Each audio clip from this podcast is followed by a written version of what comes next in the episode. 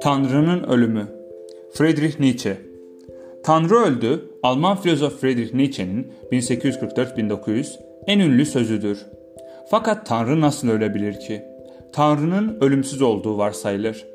Ölümsüz varlıklar ölemez. Sonsuza dek yaşarlar. Bir bakma mesele de budur.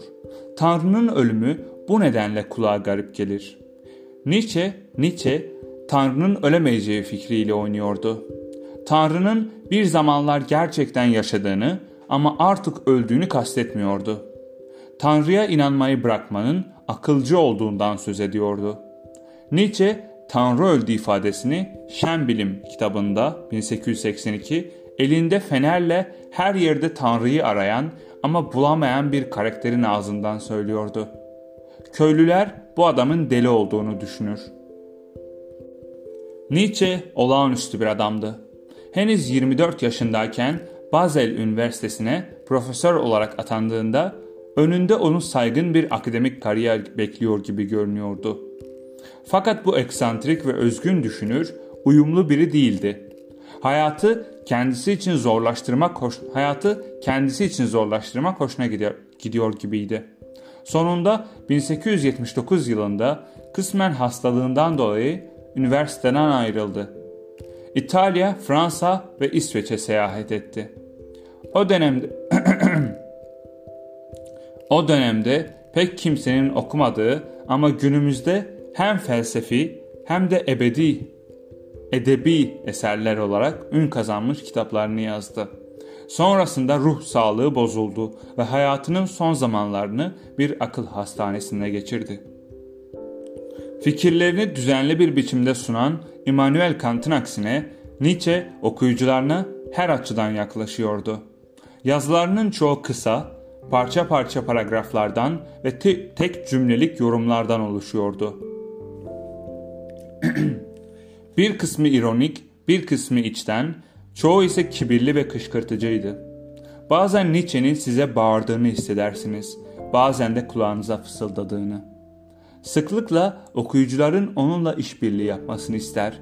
Sanki sen ve ben işlerin nasıl yürüdüğünü biliyoruz ama bu aptallar yanılsamalardan mustarip der gibidir. Sürekli geri döndüğü bir tema ahlakın geleceğidir. Eğer Tanrı ölürse sonra ne olur?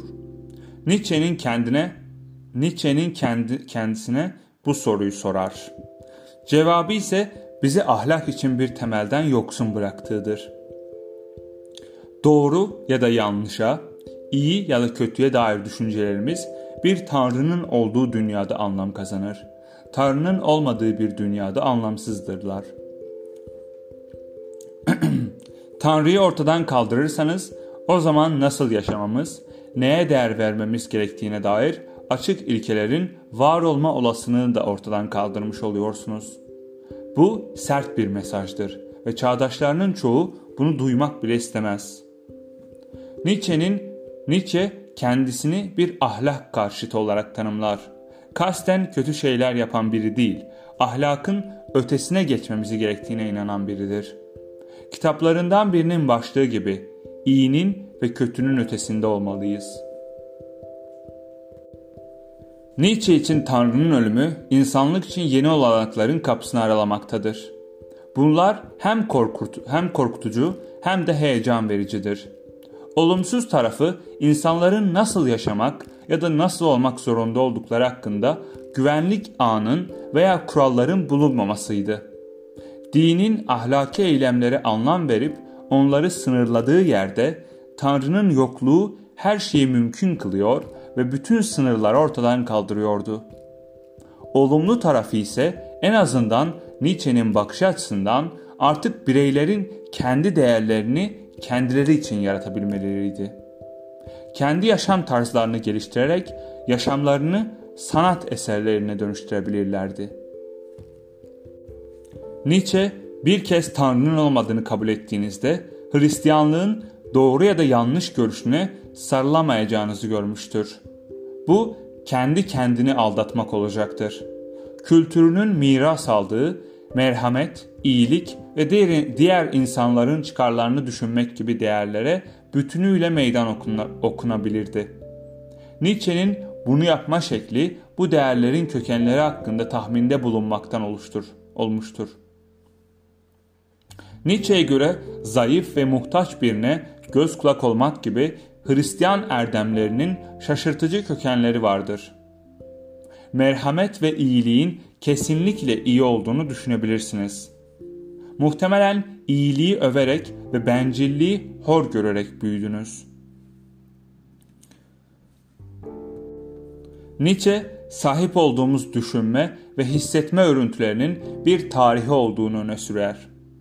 Sahip olduğumuz kavramlara nasıl sahip olduğumuzun tarihini ya da soy kütüğünü bir kez bildiğimizde onların tüm zamanlar için sabit ve nasıl davranmamız gerektiği hakkında bir şekilde nesnel olgular olduğunu düşünmek güç olur.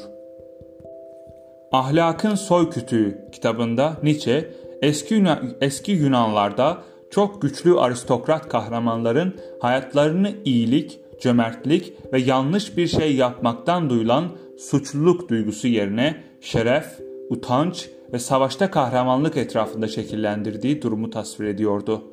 Bu hayat Yunan şair Homeros'un Odesya ve İlyada tasvir ettiği dünyadır. Bu kahramanlar dünyasında güçsüz olanlar yani köleler ve zayıflar güçlüleri kıskanırdı. Köleler kıskançlık ve hınçlarını güçlüler güçlülere yöneltirdi. Bu olumsuz hislerden yeni bir değerler kümesi yaratmışlardı. Aristokratların kahramanlık değerlerini tersine çevirdiler. Köleler aristokratlar gibi gücü ve kudreti kutlamak yerine cömertliği ve zayıfa yönelik kaygıyı erdeme dönüştürdü. Nietzsche'nin deyimiyle bu köle ahlakı güçlünün eylemlerini kötü, kendisi gibi olanların hislerini iyi görür. İyilik ahlakının kökenlerinin kıskançlık hissinde bulunduğu düşüncesi meydan okuyucuydu. Nietzsche zayıflara yönelik Hristiyan merhamet ahlaki yerine aristokratların değerlerini güçlü savaşçı kahramanların kutlanmasını kutlanmasını üstün tutuyordu. Hristiyanlık ve ondan türeyen ahlak her bireye eşit değere sahipmiş gibi davranır. Nietzsche ise bunun ciddi bir hata olduğunu düşünür. Beethoven ve Shakespeare gibi sanatçı kahramanları sürüden çok daha üstündü. Görünüşe göre mesajı en başından kıskançlıktan doğan Hristiyanlık değerlerinin insanlığı kösteklediğidir. Belki de ödenmesi gereken bedel zayıfların ayaklar altında ezilmesiydi ama bu güçlünün önünde açılan zafer ve başarı uğruna ödemeye değer bir bedeldi. Böyle dedi Zerdüşt. 1883-1992 kitabında Nietzsche, Übermensch yani üst insan hakkında yazmıştır. Kitapta geleneksel ahlaki kuralların kendini engellemesine izin vermeyen, onların ötesine geçip yeni değerler yaratan, gelecekteki hayali bir kişiden söz ediyordu. Belki de Charles Darwin'in evrim teorisinden etkilenerek Übermensch'i insanlığın gelişimindeki bir sonraki adım olarak görmüştür. Bu bir parça endişe vericidir. Çünkü kendilerini kahraman olarak görenleri destekliyor ve başka insanların çıkarlarını düşünmeden onların akıllarına eseni yapmalarını istiyor görünür. Daha da kötüsü bu Nazilerin Nietzsche'nin eserlerinden aldıkları ve üstün ırk hakkındaki çarpık görüşlerini desteklemek için kullandıkları bir fikirdi. Ancak birçok araştırmacı Nazilerin Nietzsche'nin gerçekte yazdığı şeyi çarpıttığını iddia eder. Ne yazık ki akıl sağlığını kaybettikten sonra ve ölümünün ardından 35 yıl boyunca Nietzsche'nin eserlerinin kontrolü kız kardeşi Elizabeth'te kaldı. Kız kardeşi Yahudi düşmanı bir Alman milliyetçisiydi. AB'nin defterlerini gözden geçirirken onayladığı satırları seç onayladığı satırları seçiyor, Almanya'yı eleştiren ya da kendi ırkçı fikirlerini desteklemeyen her şeyi dışarıda bırakıyordu. Kudret iradesi veya güç istenci adıyla yayımlanan Nietzsche'nin düşüncelerinin bu kopyala yapıştır versiyonu onun yazılarını Nazilerin propaganda propaganda malzemesi haline getirdi. Ve Nietzsche 3. Reich'te onaylanan bir yazar oldu. Eğer daha uzun yaşamış olsaydı bununla bir ilgisinin olma ihtimali son derece düşük olurdu. Bununla birlikte eserlerindeki pek çok satırda güçlünün zayıfı yok etme hakkını savunduğu da inkar edilemez. Kuzuların yırtıcı kuşlardan nefret ettiğini söylemesi şaşırtıcı değildir. Fakat bu yırtıcı kuşların kuzuları kapıp kaçırıp yemesini hor görmemiz gerektiği anlamına gelmez. Aklı kutsayan Immanuel Kant'ın aksine Nietzsche her zaman insani değerleri şekillendirmede duyguların ve irrasyonel güçlerin oynadığı rolü vurguladı. Görüşlerinin bilinç dışı arzuların doğasını ve gücünü inceleyen Sigmund Freud'u etkilediğine kuşku yoktur.